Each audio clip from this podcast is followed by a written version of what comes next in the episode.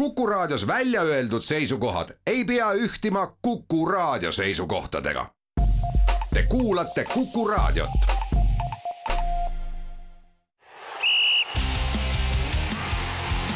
vutikohus. vutikohtul aitab pinget kruvida Pahv tere tulemast kuulama Kuku raadio jalgpallisaadet Vutikohus, mis on eetris igal neljapäeval ning mida juhivad Ott Järvela jalgpalliportaalist sokkernet.ee ja Andres Vaher Õhtulehest meie saadet saab järelkuulata Kuku raadio koduleheküljel ja äpis Player ning samuti iTunesis, Spotify's ja Postimehe spordiveebis. vutikohus võtab igal nädalal jutuks aktuaalsed jalgpalliteemad ning tähtsamad jalgpallikohtumised käesolevaga algab vutikohtu saja kaheksakümne neljas istung ning nagu meil kombeks on, alustame möödunud nädala jooksul peetud tähtsamatest jalgpallikohtumistest ning kuna eile ja üleeile mängiti meistrite liiga poolfinaalide avakohtumised, siis otse loomulikult saate alguses pikemalt just nendel kahel matšil peatume alustame värskemast mängust, kolmapäevasest, kus vastamisi olid kaks Itaalia ja Milano suurklubi AC Milan ja Milano Inter ning tegemist oli väga ootamatu stsenaariumiga mänguga, sellepärast et Itaalia jalgpalli, mida on ikka mm, seostatud ja täiesti põhjendatult seostatud kõva ja distsiplineeritud kaitsemänguga, ei suutnud seda viimast tolles kohtumises absoluutselt näidata, ennekõike AC Milan oli oma kaitsemängus niivõrd pilla-palla, et neil väga vedas teatas, et nad poole tunni järel olid kõigest null kaks kaotusseisus, mis osutus lõpuks ka mängu lõppskooriks. no isegi veerand tunni jooksul võib öelda, seal viieteistkümnendal minutil oli suurepärane võimalus kolm-null juba lüüa, nii et ja, ja. ja aga, aga ja et no ikkagi see kehtib, kehtib jah ainult ühe meeskonna ehk et Milani kohta. Inter tegi oma töö korralikult ära, kiire algus kiire tõhus algus, siis keerati seda Nugase laavas veel natuke, siis rahuneti maha ja turvati seda kaks-null eduseisu. aga see, kuidas jah, kuidas Milan lasi ennast nagu igatepidi nii mänguliselt kui taktikaliselt kui individuaalselt üle mängida, see oli, see oli meistrite liiga poolfinaali kohta ausalt öeldes natuke ootamatu ja aga, aga millest see siis äh, võis tuleneda, proovime seda natukene lahata. no äh, mängijate individuaalne meisterlikkus on alati vajalik, et äh, säärastes kõrgete panustega mängudes otsustavatel hetkedel vastasest üle olla ja kolmekümne seitsme aastase Edin Dzeko suutlikkus kahevõitluses Kalabriaga ennast äh, vabastada, sooritada meisterlik pealelöök ja sellega meeskond kaheksandal minutil juhtima viia pärast Hakan Tšalhanoglu väga head nurgalööki. kahtlemata need individuaalsed meisterlikkuse hetked seal nii Tšalhanoglult kui Džekolt olid väga vajalikud, aga äh, ikkagi tuleb rääkida süsteemsematest vigadest ja, ja samamoodi, et noh, Henrik Mkhitarjan kaks-null värava lõi väga meisterlikult, aga see, kuidas talle seal avatud uste päev Milani kaitseliinis korraldati, äh, see lihtsalt andis talle võimaluse seda individuaalset meisterlikkust realiseerida, et Milanil oli ikkagi mingid süsteemsed vead nende kaitsemängus seal alguses. ja, ja täpselt samamoodi nagu, nagu see Mkhitarjani värava eel oli, oli meeskondlikult kõik segamini, oli Tšeko löök oli väga-väga-väga, oli võrratu aga see, kuidas standardolukorras jääb Edin Tšeko peale äh, kaitsemängija, äärekaitsja Calabria, siis see on, äh, noh, nii ei tohiks juhtuda. Äh, ei saa juhtuda nii, et see oli, oli, võeti mees meest ja nii ja nii, nii oli lihtsalt, et Äh, ja lõi ära ja, ja noh, ja teine oli siis noh, et siin jah, raadios on keeruline taktikat kirjeldada hästi lihtsalt öeldes, siis lihtsalt äh, Inter suutis Milani keskvälja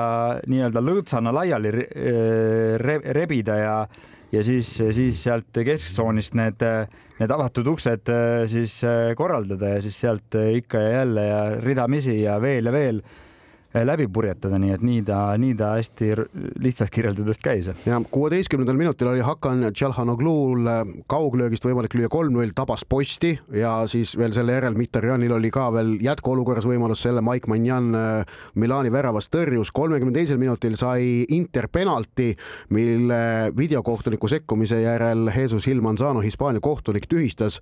ma väidan siiamaani, et, et AC Milanil vedas, et see penalti tühistati, et kui seda ei oleks tühistatud, see ei oleks olnud mingi ootamatu otsus, kuigi jah, penalti oli antud kergelt, aga, aga Milanil vedas tegelikult minu meelest.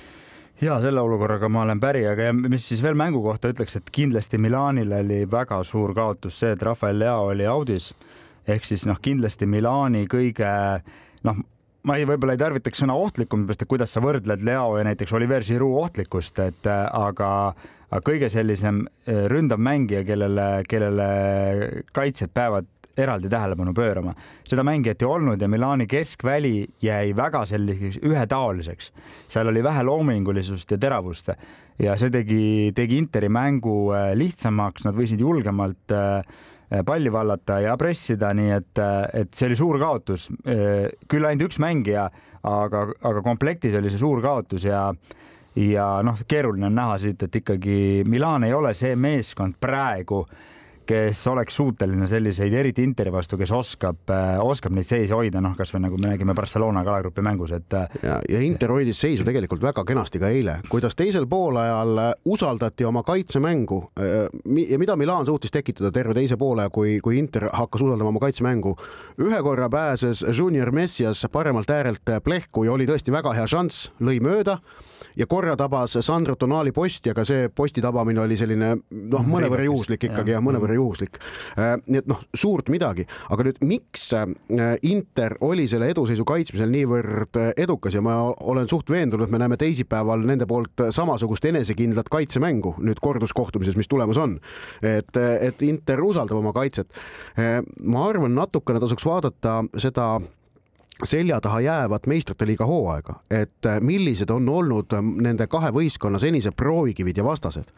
Milano Inter tuli läbi alagrupist, kus nad äh, mängisid Müncheni Bayerni, FC Barcelona ja hüva Victoria Belženi. no surmagrupp oli see. jah, surmagrupist tulid läbi äh,, Barca vastu jäi plussi, Milanil olid vastased Londoni Chelsea, Red Bull Salzburg ja Zagrebi Dinamo, no ei ole sama kaalukategooria.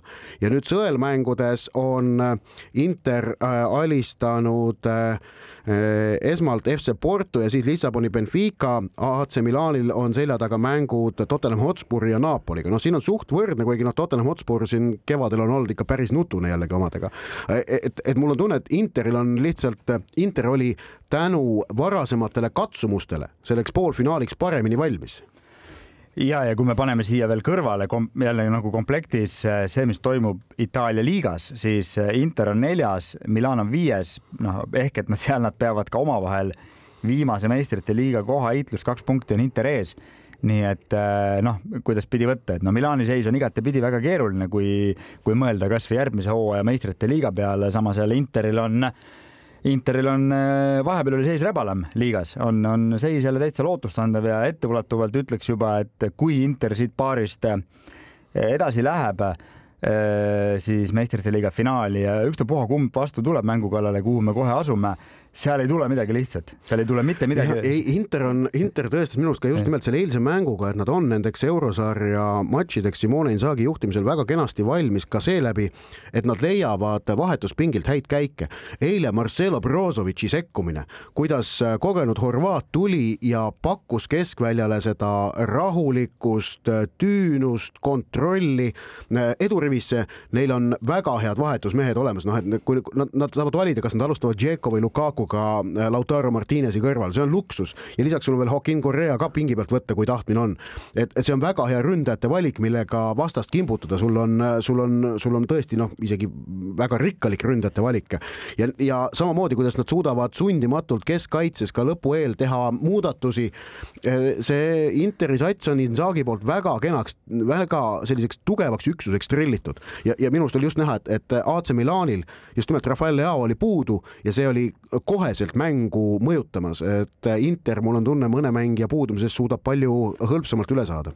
nojah, oleneb, kes, kes parasjagu puudu on, aga et lähme siis selle teise või õigemini esimese eh, poolfinaali juurde igatepidi täie, täielik maiuspala, siis eh, Madridi Real ja Manchester City Hispaania pealinnas mängisid, mängisid välja üks-üks viigi ja kes, eh, kes vaatab võib-olla jalgpalli sellisena, kuidas nüüd öelda, niimoodi äh, no lihtsalt seda mängu, mängu kui sellist, kui vaatemängu, ma isegi kasutaks sõna, kui vaatemängu, siis ei olnud teab mis etendus. ei olnud küll, jah. ei olnud teab mis etendus, aga kui vaadata seda mängu natuke mm, nagu kas noh, sügavuti rohkem, siis oli see võrratu mäng. noh, see on, see on ilmselge, et panused on ülikõrged, me mängime meistrite liiga poolfinaale täiesti loogiline, et, sellised meeskonnad ja sellised treenerid nagu Carlo Ancelotti ja Peep Guardiola ei korralda vabatahtlikult avatud uste päevi. just nimelt, et see kõrge kvaliteet, mis mõlemas võistkonnas vaieldamatult peitub, ei avanenud äh, sedapuhku siis sellise võrratu lahtise äh, ründava jalgpalli. Milani vaid... Inter pakkus rohkem vaatemängu, aga oli kvaliteedilt tohutult kehvem mäng ühe meeskonna kehvuse tõttu kui äh, ja, Real ja, Manchester City. Real Manchester City just nimelt see kõrge kvaliteet avaldus selles kontrollis, mida mõlemad võistkonnad tegelikult selle mängu üle evisid ja lõpuks ainsad väravad sündisid siis kahest äh, suurepärasest kauglöögist. individuaalne, briljantsed individuaalsed sooritused, hea küll, esimese värava ehk siis Viniciuse värava puhul saab otsida äh, vigu, mida seal Manchester City tegi äh, et kuidas ta sinna pääses, aga, aga Kevin De Bruyne värav oli ikka suht null. no kate, kate, kategooria, mis lihtsalt jalgpallis on põhimõtteliselt kategoorias tõrjumatu jah, jah, no vot äh,, aga, aga see Reali ja Manchester City kohtumine Santiago Bernabeul siis andis, nagu öeldud, tulemuseks üks-üks viigi, mis äh, kindlasti rahuldas rohkem Manchester City meeskonda. külaline tuleb äh, Madridist minema üks-üks viigiga, see on asi, millega tasub rahul olla, eriti pärast esimest poolaega, kus äh, kus ikkagi Manchester Cityl ei tulnud asjad üldse välja ja, ja mida Real niimoodi kergelt äh, domineeris ja kus Viniciuse kiirus äh, oma vasakul äärel paistis äh, Madridi Realile olevat väga-väga tõhus relv. nii et, et, et Manchester City suutis ennast sellest kõigest koguda ja välja tulla, oli, oli ka kvaliteedimärk. aga rääkides siin veel persoonidest, siis Erling Haalandi nähtamatus selles mängus oli ka fenomenaalne ja, ja seda ja mida seda eh, või kuidas seda tehakse, kuidas seda üldse on võimalik teha mis tahes meeskonna puhul, seda on võimalik teha meeskondlikult eh, ja Manchester, eh, või tähendab, vabandust, Real Madrid tegi seda meeskondlikult ehk kõikvõimalikud ruumid, kus Erling Haaland, kus tal on võimalik, mitte kus talle meeldib, aga kus tal on üldse võimalik opereerida, need siis läbi erinevate mm, noh, taktikaliste võimaluste nii-öelda topiti kinni nagu mingid augud kuskil. Ja, ja siis omakorda kaks keskkaitsjat eh, siis vastavalt sellele, kuhu Haaland liikus, siis said personaalse ülesande temaga hakkama saada ja Antonio Rüdiger sai sellega eriti hästi hakkama, aga tegelikult sai ka David Alaba väga hästi hakkama, kui, kui tal tuli rinda pista Haalandile. aga no kui äh, Realil oli valida, siis jäeti Rüüdiger Haalandiga madistama äh, ning äh, seal pärast mängu on ilmunud äh, veebiavarustesse väga sellised kujundlikud ja, näitlikud videod, kuidas Rüüdiger töötles Haalandit, kuidas ta oli võtnud noh, sellise fookuse sellele üheksakümnele minutile, mis on äh, isegi tippjalgpallis üpriski harukordne. mäng on kuskil kuskil kaugel eemal, mitukümmend meetrit, Haaland ei tee mingit sammu ka palli poole. Rüdiger seisab tal kõrval, puskleb teda peaga niimoodi selga, tügi, nügib teda siit natukene, natukene sealt, käib pinda, näitab, et mina olen siin, mina olen kohal, mina olen valmis. ja see, see on selle, mille kohta mul kaaskommentaator Markus Jürgenson ütles, et see on fantastiline kaitsemäng ja aga seda, seda lihtsalt absoluutselt, Rüdiger oligi väga, kõige väljapaistvam kuju seal, noh, võib-olla üldse väljakul, Reali kaitseliinis kindlasti, aga seda ei tee üksinda, seda ei tee ainult ja, üksinda. sul on vaja võistkonna tuge vaja. noh, võistkond peab, peab aitama neid asju nagu ruume ja kõike muud ära võtta, et aga see oli, seda oli nauditav äh, jälgida, mitte ainult, mitte ainult selle tõttu, et noh, me oleme natuke, ma arvan, juba isegi tüdinenud sellest Haalandi dominantsist ja vahelduseks on lihtsalt eriti nii kõrgel laval Eh, tore vaadata, kuidas tõestatakse, et, et, et jalgpall ei ole selline, kus Haaland võtab palli ja lihtsalt jookseb ja läheb. ja kusjuures seda siis tõestati praegu vahetus keskkaitsja toel, ega Rüüdiger mängis ju ainult põhjusel, et Eder Militao oli võistluskeelu all ja. ja nüüd on huvitav näha, mis kordusmänguks juhtub, kas Rüüdiger pärast seda personaalset äh, timukatööd Haalandi kallal tõesti jääb põhikoosseisu kohast ilma, kui Militao naaseb, see on, äh, see ja. on otsus, mida Carlo Ancelottil on vaja mõelda, et noh, Alabat ta pingile ei jäta. Alaba suutlikkus äh, Reali no,. Vas vasak jalg ja kõik muud asjad, jah? no just, et äh, noh, Alaba suutlikkus palliga on see, mida Real sinna kaitseliini vajab, et nad, nad ei mängi niivõrd reaktiivselt, nad mängivad ikkagi proaktiivset jalgpalli. ja see on üks huvitav ja no muidugi terve rida huvitavaid küsimusi kordusmängu eel siis ajendatuna sellest avamängust on veel noh, eelkõige see, et, et, et tegelikult noh, ehkki ma olen nõus sinuga selles, et, et, et City võis olla rohkem rahul tulemusega siis tegelikult oli ka suhteliselt rahul, ma arvan, Real, sellepärast et. Real oli rohkem rahul esitusega. ja nad nägid, kuidas nad, äh, kuidas nad saavad Manchester City'ga, noh, kes on siiski kerge soosik selles paaris, mängida äh, samas, noh, Carlo Ancelotti ja kõik teised teavad, et kodus tuleb ja mängib Manchester City teistmoodi, kindlasti julgemalt. iseasi, milles see julgem mäng siis täpsemalt väljendub, aga ma näen ikkagi nagu väga selgeid kohti, kus, kus Realil on endiselt ka, ka siis Etihadi staadionil võimalik nõelata. väga palju räägiti Rüdigerist põhjusega, aga väga vähe räägiti Ruuben Diasest. ilma Ruuben Diaseta oleks see mäng lõppenud Manchester City jaoks väga kurvalt, sellepärast et ei hakka siin ma lahti kirjeldama, aga Manchester City kaitseliinis oli väga palju nõrkusi ja kuidas Dias neid kõiki lappis, julgestas. Eh, noh, teisel moel, aga vähemalt sama hea mäng kui, kui, kui Rüdigerilt, et, et ma ei ole kindel, et saab endale eh, Manchester City teist sellist, ma arvan, et Nathan Ake eh, lisandumine kaitseliini ilmselt Akanji asemele oleks väga vajalik. Äh, ma ei tea, mis tema tervislik seis on, aga see annaks kaitseliinile palju rohkem stabiilsust juurde. tõsi ta on, aga isegi kui Aake tuleb ja Akanji on väljas, siis äh, ma arvan, ka see muudatus ei äh, kujuta endast selget relva platsi kõige ohtlikuma mängija Vinicius Juniori vastu. ehk et äh, tõepoolest mängus, kus Erling Haaland on väljakul, ta ei ole platsi kõige ohtlikum mängija, selleks oli Vinicius äh, Junior, ta lõi värava ja noh, tema üleüldine enesekindlus, palliga tegutsemine, kõik see muudavad ta tohutult keeruliselt pidurdatavaks ja Manchester City oli temaga hädas.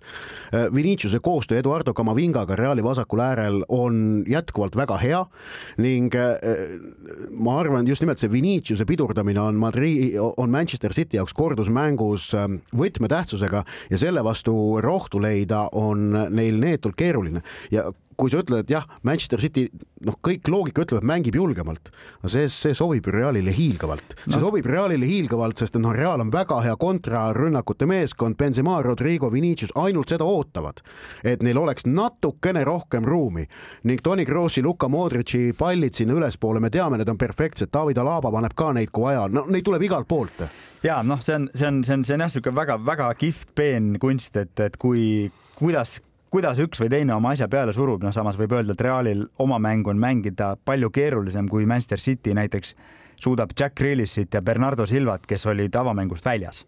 ründeplaanis olid täiesti väljas, kui ta suudab neid ära suruda, see surub kogu Reali meeskonna allapoole ehk et see saab olema väga kihvt teine etendus, kuidas mängitakse, millised eh, ja, ja, ja just võrratuks teeb selle see, et kui sul on ikkagi terve plats täis, terve plats täis nagu absoluutseid tipptegijaid, siis kuidas sellised tipptreenerid saavad seda kõike rakendada, sellepärast et noh, kui sul, sa võid mõelda välja ükstapuha kui geniaalse plaani, aga kui sul ikkagi mängijad ei ole sellest kvaliteedist, mis selle ellu suudavad viia, siis see etendus ei ole nii äge, aga siin, siin me näeme ikkagi praegu no,. siin on mõlemal sellist tippkvaliteeti, et, et hoia ja keela.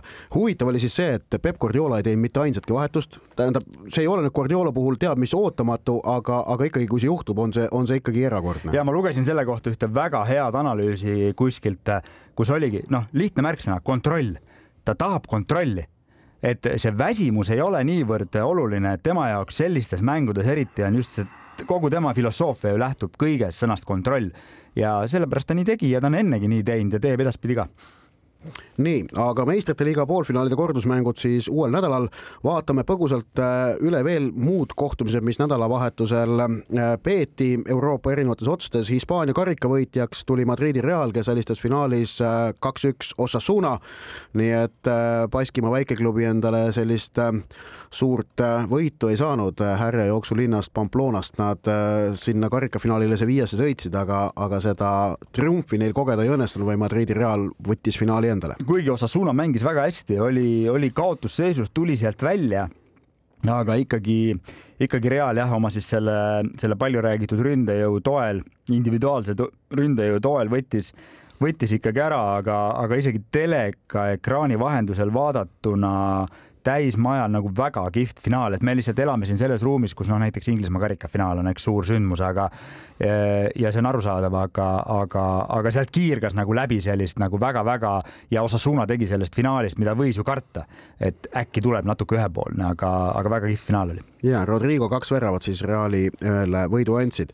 Inglismaa Premier League'is on juhtunud säärane asi, et Manchester United pärast meie eelmist saadet kaotas äh, kaks mängu, kaotas Brightonile ja kaotas ka West Hamile ning kuna Liverpool oli omakorda Brentfordist parem, siis on ikkagi neljanda koha võitlus Premier League'is, ütleme niimoodi, see on nüüd tekkinud. seda ennem ei olnud, aga nüüd on ta olemas ning äh, Manchester Unitedil on selge oht olemas meistrite liiga positsioon maha mängida ning Liverpool haistab verd. hetkel siis on olukord säärane, kus Man Unitedil on pidamata neli ja Liverpoolil kolm kohtumist ja Man United edestab Liverpooli ühe punktiga ja, ja kusjuures Liverpooli vastased on ka kõik sellised väga-väga söödavad ehk et noh, kui me siin nüüd nagu laskume natuke oletuste maailma, siis kui me liidame juurde Liverpoolile siit sellised automaatsed üheksa punkti, eh, mis tähendaks, et nad lõpetaksid liigahooaja seitsmekümne ühe punktiga eh, eh, siis Man United peab võitma neljast mängust kolm. ja sellepärast, et Man Unitedil on väravate vahe kindlasti kehvem mis tähendab, et nad vajaksid vähemalt seitsekümmend, seitsekümmend, vabandust, kaks punkti ehk et kolm võitu. just. nii et ei ole üldse lihtne ei ole üldse. me tegime muidugi praegu väga meelevaldseid eh, liitmistehteid, aga, aga, aga siin hakkab veel nalja saama.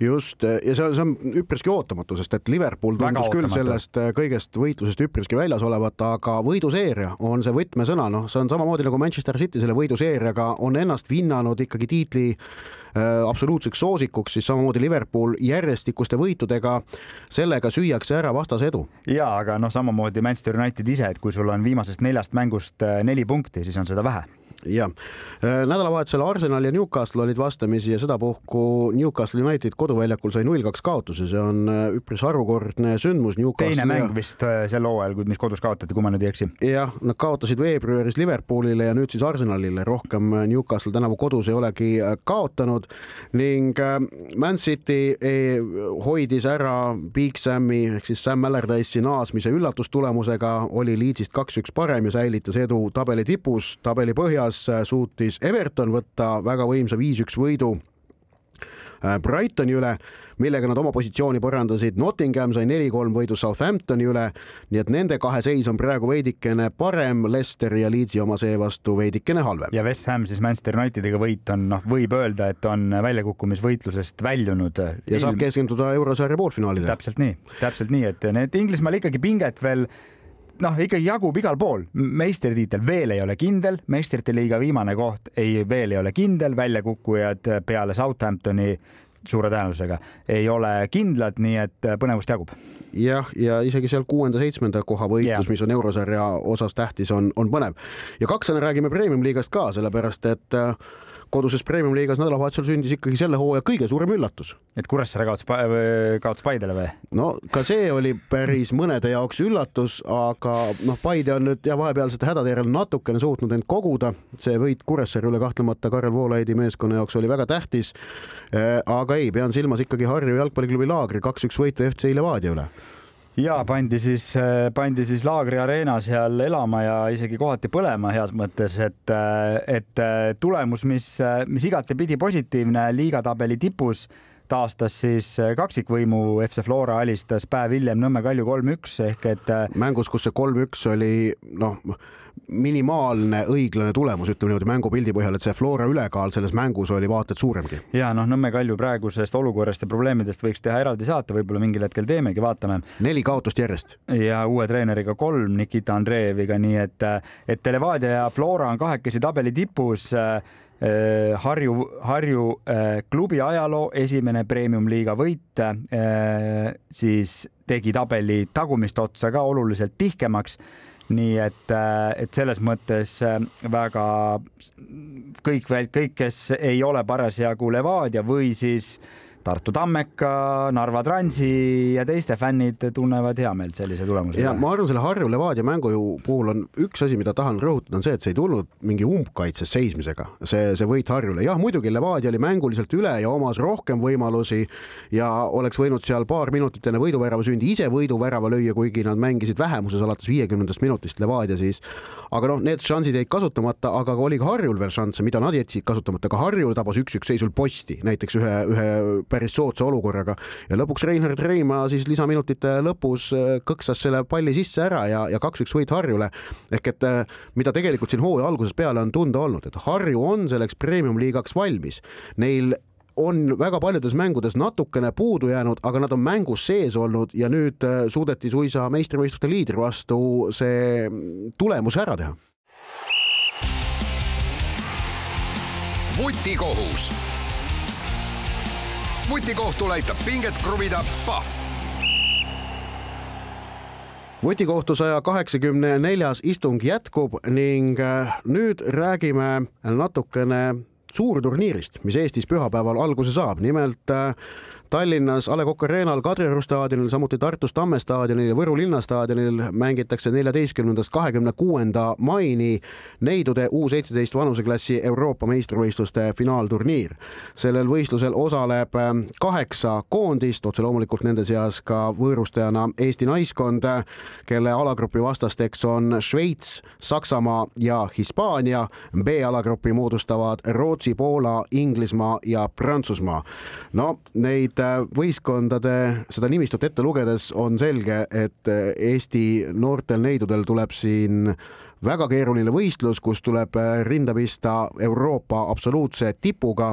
selles ei ole mitte midagi üllatavat, et see võistlus Eesti naiskonna jaoks keeruline on, aga on, on siis huvitav näha, kuidas hakkama saadakse ja seda mm, konkreetset põlvkonda või seda konkreetset aastakäiku, mis siin sel turniiril siis mängib, need on kahe tuhande kuuendal ja seitsmendal aastal sündinud neiud peetakse Eesti naiste jalgpallis ikkagi äh, keskmisest selgelt lootust andvamaks äh, põhjusel, et äh, just sellest vanuseklassist on toimunud ka selline väikene puhang, mis tähendab, et valik puhtalt, mis treeneritel on, on suurem, kui ta oli varem.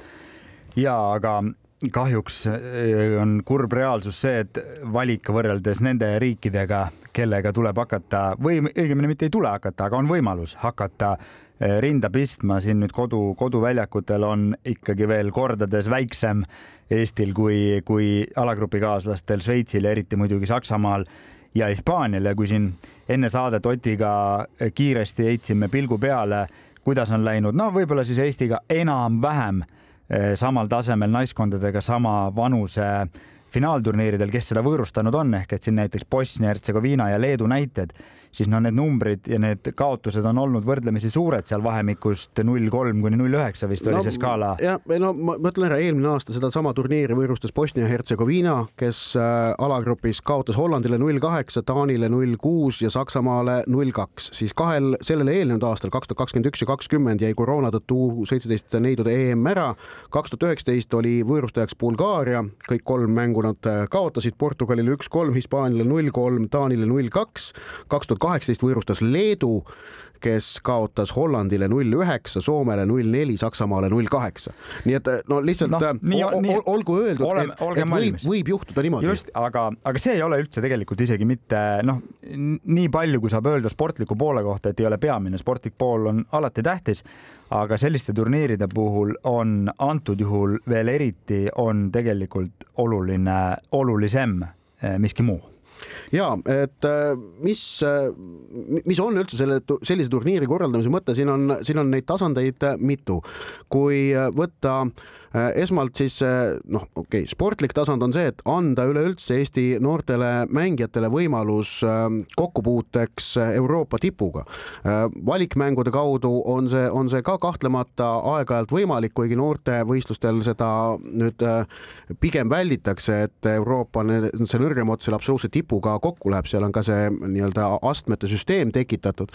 Ähm, aga kahtlemata inspiratsioon sellest võimalusest kodusel finaalturniiril mängida, peaks toimima paraja sütitajana ning kui vaadata näiteks kahe tuhande kaheteistkümnenda aasta U üheksateist vanuseklassi noormeeste EM-finaalturniiri, mis on seni ainukene siis äh, UEFA finaalturniir, mida Eesti on korraldanud.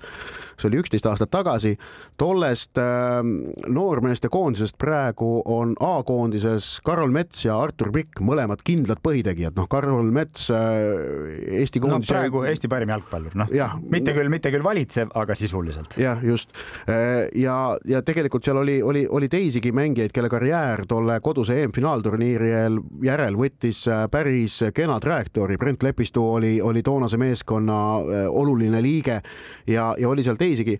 nii et äh, see tegeleb, see kodune finaalturniir mm, noh, toimib sütitajana. teine asi, ta kahtlemata ka elustab kodust jalgpallielu, kui ikkagi selline sündmus koduõuele tuleb, siis see mm, annab Eesti Jalgpalliliidule organisatsioonina välja väljakutse, et see turniir edukalt läbi viia ja, ja aitab käivitada erinevaid väiksemaid üksusi ja sellist motivatsiooni. Annab ning kindlasti Eesti naiste jalgpallile tervikuna peaks see sündmus olema väga oluline ka sellise noh, impulsi andja. Ja just, et, et see ongi tegelikult, ma ütleks, et peamine, et kui, kui sa tõid välja selle, selle mm, kahe tuhande kaheteistkümnenda aasta turniiri, siis teatavasti ju meil oli ka korraldusõigus kolm aastat tagasi U seitseteist ehk siis sama vanade noormeeste EM-iks, kus nüüd mängivad eh, neiud eh, paraku ja tõesti nagu ülimalt kahju igatepidi, et, et koroona tuli just siis, mitte et koroona oleks võinud üldse olemata jääda, aga et ta tuli just selle selle turniiri kontekstis siis, sest äh, see oli vanusekäik, kes oli meil päris hea ja no ikka väga hea.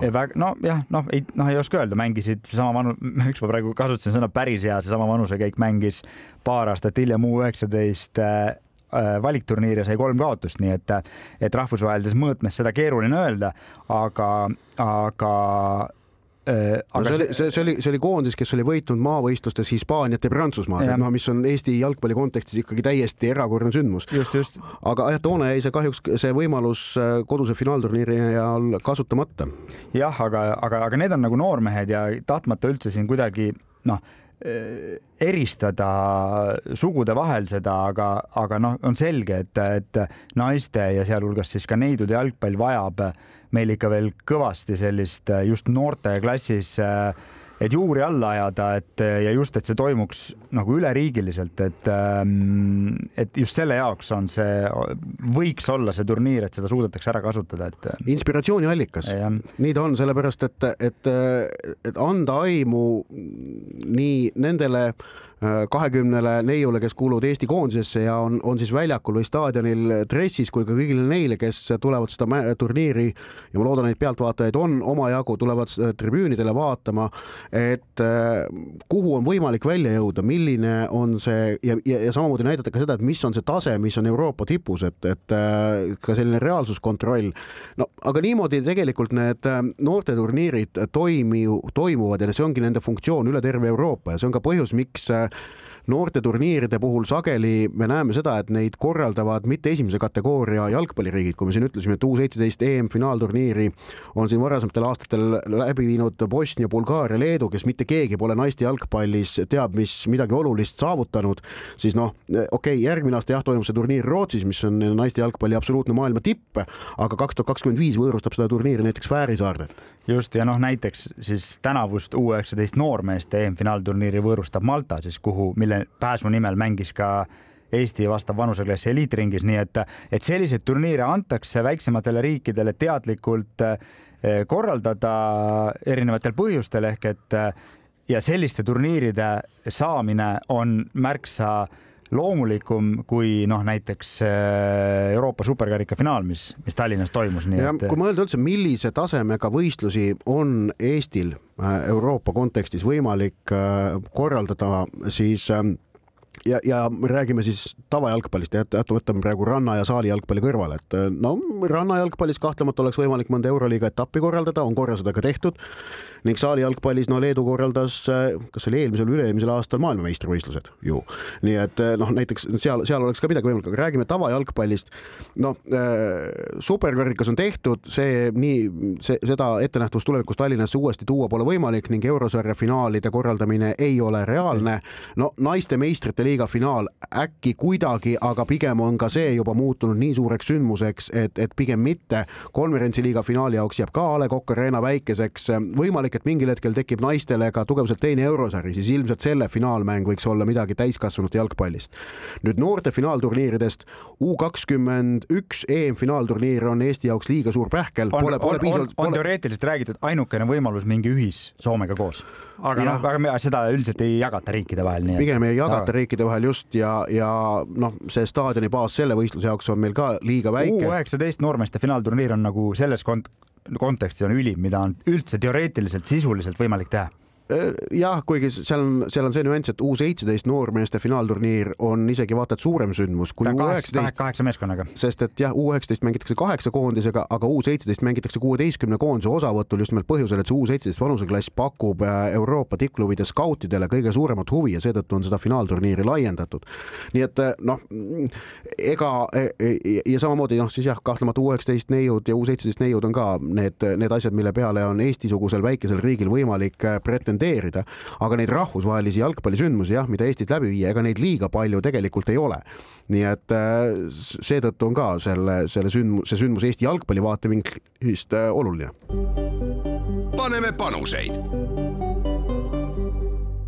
vutikohtu saja kaheksakümne neljas istung jätkub ja jätkub kolmanda veerandaja ehk siis äh, pahv.ee pakutavate jalgpallikoefitsientide üle arupärimisega ja kuna me siin klubimängudega hooaja lõpusirgel olema, siis meie valikud sealt ka tulevad.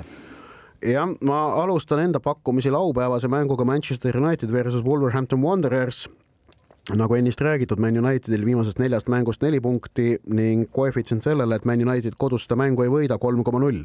ja mul oli siin ühes valikus sellest mängust vastupidine pakkumine, tõmbasin selle küll maha aga ma arvan ikkagi, et Manchester United võidab sellepärast, et lihtsalt rohkem mängus. Wolverhamptonil on eh, noh, hooaeg sisuliselt lõppenud siis ähm, teiseks pühapäeval on vastamisi Everton ja Manchester City ning äh, siin samamoodi pakkumine, et Manchester City seda kohtumist ei võida. no neil on fookus paratamatult natukene rohkem meistrite liiga poolfinaali kordusmängul. mingeid muudatusi Guardiola koosseisus teeb, Evertonil on noh, selg vastu seina ja samas Manchester City jaoks üks viik veel midagi hullu ei tähendaks, nad säilitaksid jätkuvalt äh, Premier League'i üle kontrolli, nii et koefitsient sellele, et äh, Everton ei kaota kodus Man City'l on kolm koma viisteist. näed, kui tore, et ma siit valisin vastupidise pakkumise, kõik su argumendid on õiged, aga ma ei ole nõus sellega, et Manchester City seda mängu ei võida mm. -hmm. lihtsalt, kuigi see, kuidas Everton ja Sean Dice purustasid Brightoni viis-üks oli päris muljetavaldav. see oli nagu väga ootamatu ka ikka. ja see oli ja selle ja, ja kuidas seda tehti, see oli muljetavaldav, see oli, see oli tõesti muljetavaldav, aga Manchester City võidab selle mängu rohkem kui ühe väravaga kaks koma null ja minu kolmas äh, pakkumine puudutab samamoodi Manchester Cityt, nimelt siis äh, meistrite liiga poolfinaali kordusmäng kolmapäeval ja pahv.ee mm, koefitsient sellele, et sellest paarist läheb edasi Madridi Real on kolm koma kuus jah, seda on palju, seda on ikkagi palju mm,. ehkki Manchester City on soosik koduväljakul, aga. no minimaalne. jah, aga no koefitsient on, on, on natuke liiga kõrge või palju liiga kõrge. minu ülejäänud kaks pakkumist siis tulevad üks Hispaaniast, üks Inglismaalt. pühapäeva õhtul võib Barcelonas linnas selguda Hispaania meister, kohtuvad äh, Barcelona tarbis Espanyol ja FC Barcelona aga meistrit veel ei selgu, sellepärast et Hispaaniol ei kaota seda mängu koefitsiendiga kaks koma viis no seal on olemas see nüanss, et meister võib ikkagi selguda. Äh, see on, kui, kui seda, seda, seda siis juhul, kui Madridi Real ei võida, mm, kas oli äh, Elchet ja Madridi Atletico kaotab äh, oma kohtumise, siis on Barcelona ilma mänguta meister, aga noh, tõenäoliselt nad ilma mänguta meistriks ei tule, jah. just, ja ei tule ka mänguga, ei tule ka mänguga. Äh, ja siis lõpetuseks esmaspäeva õhtul on Premier League'is äh, igatepidi oluline mäng nii väljakukkumise kui meistrite liiga heitluse pärast. Kohtuvad Leicester City ja FC Liverpool. Ja seal läheb niimoodi, et Liverpool lööb selles mängus rohkem kui kaks väravat, no lihtsalt võtab ja lööb. Kaks koma seitsekümmend viis. paneme panuseid vutikohtu saja kaheksakümne neljas istung alustab oma saate viimase osaga ning vaatame otsa eeloleva nädala jooksul peetavatele tähtsamatele jalgpallikohtumistele. Premium-liigas seesama Nõmme Kalju, kellel on muresid väga palju, sellepärast et kui hooaega alustati niimoodi, et seitsme mänguga ei saadud ainsatki kaotust, siis seejärel on kõik neli mängu järjest kaotatud, on saadud lüüa nii Kuressaarelt Äh, Levadialt, äh, Kalevilt, Kalevilt ja Floralt. kui ka Floralt. Ja need viimased kolm kaotust on tulnud siis uue peatreeneri Nikita Andreevi käe all, siis ootab neid nüüd reede õhtul selline keer-, no kuidas öelda, no noh, mõnus selline banaaninahk või, või banaanikoor, mille peal on võimalik siis, kui neutraalne jalgpallisõber ikka tahab, et soosik libastuks, siis no Kalju võib libastuda küll, sellepärast et nad võõrustavad Harju jalgpalliklubi laagrimeeskonda, kes tuleb väga mõnusa tundega, nad on äsja võitnud Levadiat, nad tulevad enesekindlalt, ma usun, nad tulevad sellise mõnuga mängima ja, ja, ja haistavad verd jah, no selles mängus ilmselt on kõige määravam see, et kuidas nagu Kalju üldse oma kogu selles praeguses olukorras, no see noh, kui kuskil on mäng, mille sa pead võitma igatepidi, noh, ükstapuha, mis kategooria võtta, et kuidas nad sellega hakkama saavad, kui nad suudavad seda võtta niimoodi rahulikult ja minna teha oma asja ära, siis tõenäoliselt see võit pigem võiks nagu tulla aga kui seal hakkab mingi väristamine, siis võib keeruliseks minna, aga jah, et äh, selline põnev, põnev ja omapärane mäng meil reede õhtul Premium-liiga sees seismas. see mäng äh, toimub küll Sportland Arenal, mis on praegu Kalju koduväljakuks, aga tegelikult on tegemist ju ka veel siis sellise geograafilise äh, naabrite lahinguga, et noh, Nõmme versus Laagri, need on seal kolm rongipeatust ja on, oled, oledki ühest kohast teise jõudnud. sellele tarbile võiks ka mingi oma nime välja mõelda, keegi kuskil juba mõtles ka, aga ma ei mäleta enam, mis see oli. jah, vot. nii et selline põnev mäng reede õhtul Eesti kõrgliigas. laupäeval vaatame öö, otsa nii mängudele Premier League'is, Leeds United võõrustab Newcastle'it, Leedsil väga keeruline seis on nad väga selgelt väljalangemistsoonis, samamoodi siis äh, Man United mängimas Wolvesiga tolles olulises matšis, aga tuleb vaadata ka Saksamaale, seal on jätkuvalt Müncheni Bayernil eduseis Dortmundi Borussia ees olemas. Ja noh, sel nädalavahetusel paistab äh, keeruline näha, et, et Bayern libastuks, nende mäng on kodus Schalkega, Dortmund mängib aga München Gladbachi Borussiaga kahe, kahe Borussia derbit. ja no kahtlemata München või Bayern kodus äh, ükstapuha kelle vastu on on soosik, aga samas Schalke peab ise väga tihket väljakukkumis ja vastaste heitlust, on saanud kaks võitu järjest. nii et, et tegelikult praegu on ju ohtlikumad vastased, kes mängivad millegi nimel, kui seal tabeli keskosas näiteks nagu Mönchengladbach mängib mitte noh, mitte midagi ei ole mängus enam. et, et selles mõttes võib-olla mingit pidi on Bayernil isegi keerulisem kui Dortmundil see nädalavahetus Premium-liigas laupäeval kahe selle hooaja lemmiklapse duell. Pärnu Vaprus võõrustab Tallinna Kalevit, kaks meeskonda, kes mõlemad on selgelt ületanud ootusi nii endi omi kui ka publiku omi ning kolmas ja neljas vist nüüd siis. muutunud publiku lemmikuteks Kuressaarel neil vahel seal. Kuressaarel neljas. aga noh, igatahes ütleme siis nii, et äh, hetkeseisuga mäng kolmanda koha peale, ükstapuha, kumb selle mängu võidab, on tabelis kolmas või tegelikult noh, võib-olla kui Kalev võidab, siis võib-olla ei ole, aga see selleks, et punktivahed on seal väikesed, see ei ole ka kokkuvõttes praegu veel nii, nii määrav, aga, aga tõepoolest, et, et ilmselged hooaja alguse kaks, kaks suurt üllatajat teist korda omavahel vastamisi lähevad ja, ja noh, oleme saanud sellises hooaja faasis ikkagi, mis ei ole enam päris nagu stardisirge, sellise, sellise ootamatu, ootamatu põnevuspaari, aga mis on aga väga vahva ja äh, vahepeal kuus mängu Premium-liigas võiduta olnud Paide linnameeskond sai siis viimati Kuressaare äh, vastu neli-üks võidukirja. see Paide kuuemänguline võiduta seeria oli ikkagi päris äh, võimas no loen sulle üles ka, üks-üks viik Kaljuga, null-üks kaotus Kalevile, üks-üks viik Levadiaga, kaks-kaks viik Vaprusega, üks-kolm kaotus Florale, null-kaks kaotus Levadiale.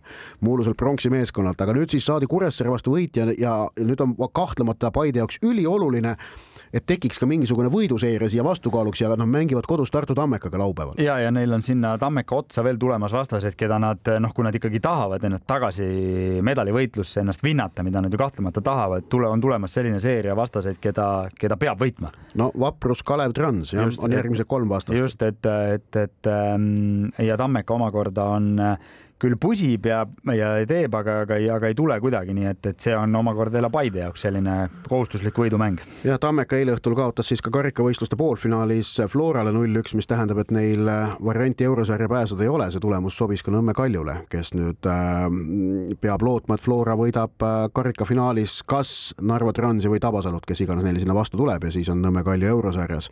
Flora ise mängib pühapäeval võõrsil Kuressaarega ja Levadia vastaseks sedapuhku on Narva Trans mõlemal liidril siis võõrsil mäng. nagu öeldud, Hispaanias Espanyoli ja Barcelona vaheline tiitlimatš, Inglismaal Everton võõrustab Manchester Cityt, no seal noh, see Sean Dyche oma, oma sellise pragmaatilise jalgpalliga ja Evertoni oma Goodison Parki staadioni atmosfääriga, noh, see on, ma näen siin võimalust, et Man City libastub. no ja, ja mingi võimalus kahtlemata on äh, äh, ja, ja omakorda siis see, kuidas pühapäeval kell neli meie järgi algav mäng Liverpoolis lõpeb, annab siis väga selge näo kaks ja pool tundi hiljem Londonis algavale kohtumisele Arsenal Brighton ehk et kui, kui City peaks libastuma, no me kujutame ette, mis, kuigi tõesti noh, viik veel või ütleme, City punkti kaotus ei anna veel Arsenalile trumpe ühelgi juhul, aga, aga, aga milline, milline elekter sellest tuleks ja omakorda jälle, kui City võidab, kuidas seda ära võtab, nii et nii need asjad joo-joona praegu seal Inglismaal äh, käivad. just esmaspäeva õhtul Leicesteri ja Liverpooli vaheline matš, kus äh, mõlema jaoks äh, väga palju mängus, Leicester võitleb väljakukkumise vastu Liverpool meistrite liiga kohanimel ning teisipäeval ja kolmapäeval meistrite liiga poolfinaalide kordusmängud, nii et jalgpalli on eelolev nädal igatepidi pungil täis. iga päev midagi vaadata, tehke oma valik ja eriti õndsad on need, kes ei peagi valikut tegema ja saavad vaadata vaadata kõiki neid meie üles loetletud mänge aga nende juttudega täname teid kuulamast vutikohtuse kaheksakümne neljandat istungit. saatejuhid olid Ott Järvela jalgpalliportaalist soccernet.ee ja Andres Vaher Õhtulehest. oleme uuesti eetris järgmisel neljapäeval kell kakskümmend üks. meie saadet saab järelkuulata Kuku raadio koduleheküljel ja äpis Player, samuti iTunesis, Spotify's ning Postimehe spordiveebis. Kuulmiseni. vutikohus vutikohtul aitab pinget kruvida Pahv